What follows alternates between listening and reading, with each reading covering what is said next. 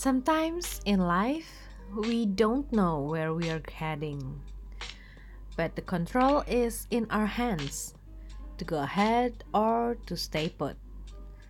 Sometimes in the dark, we think of giving up, but try to follow that voice that urges you to go ahead because He always guides you even when you don't believe. This time, try to believe it and follow the energy of love.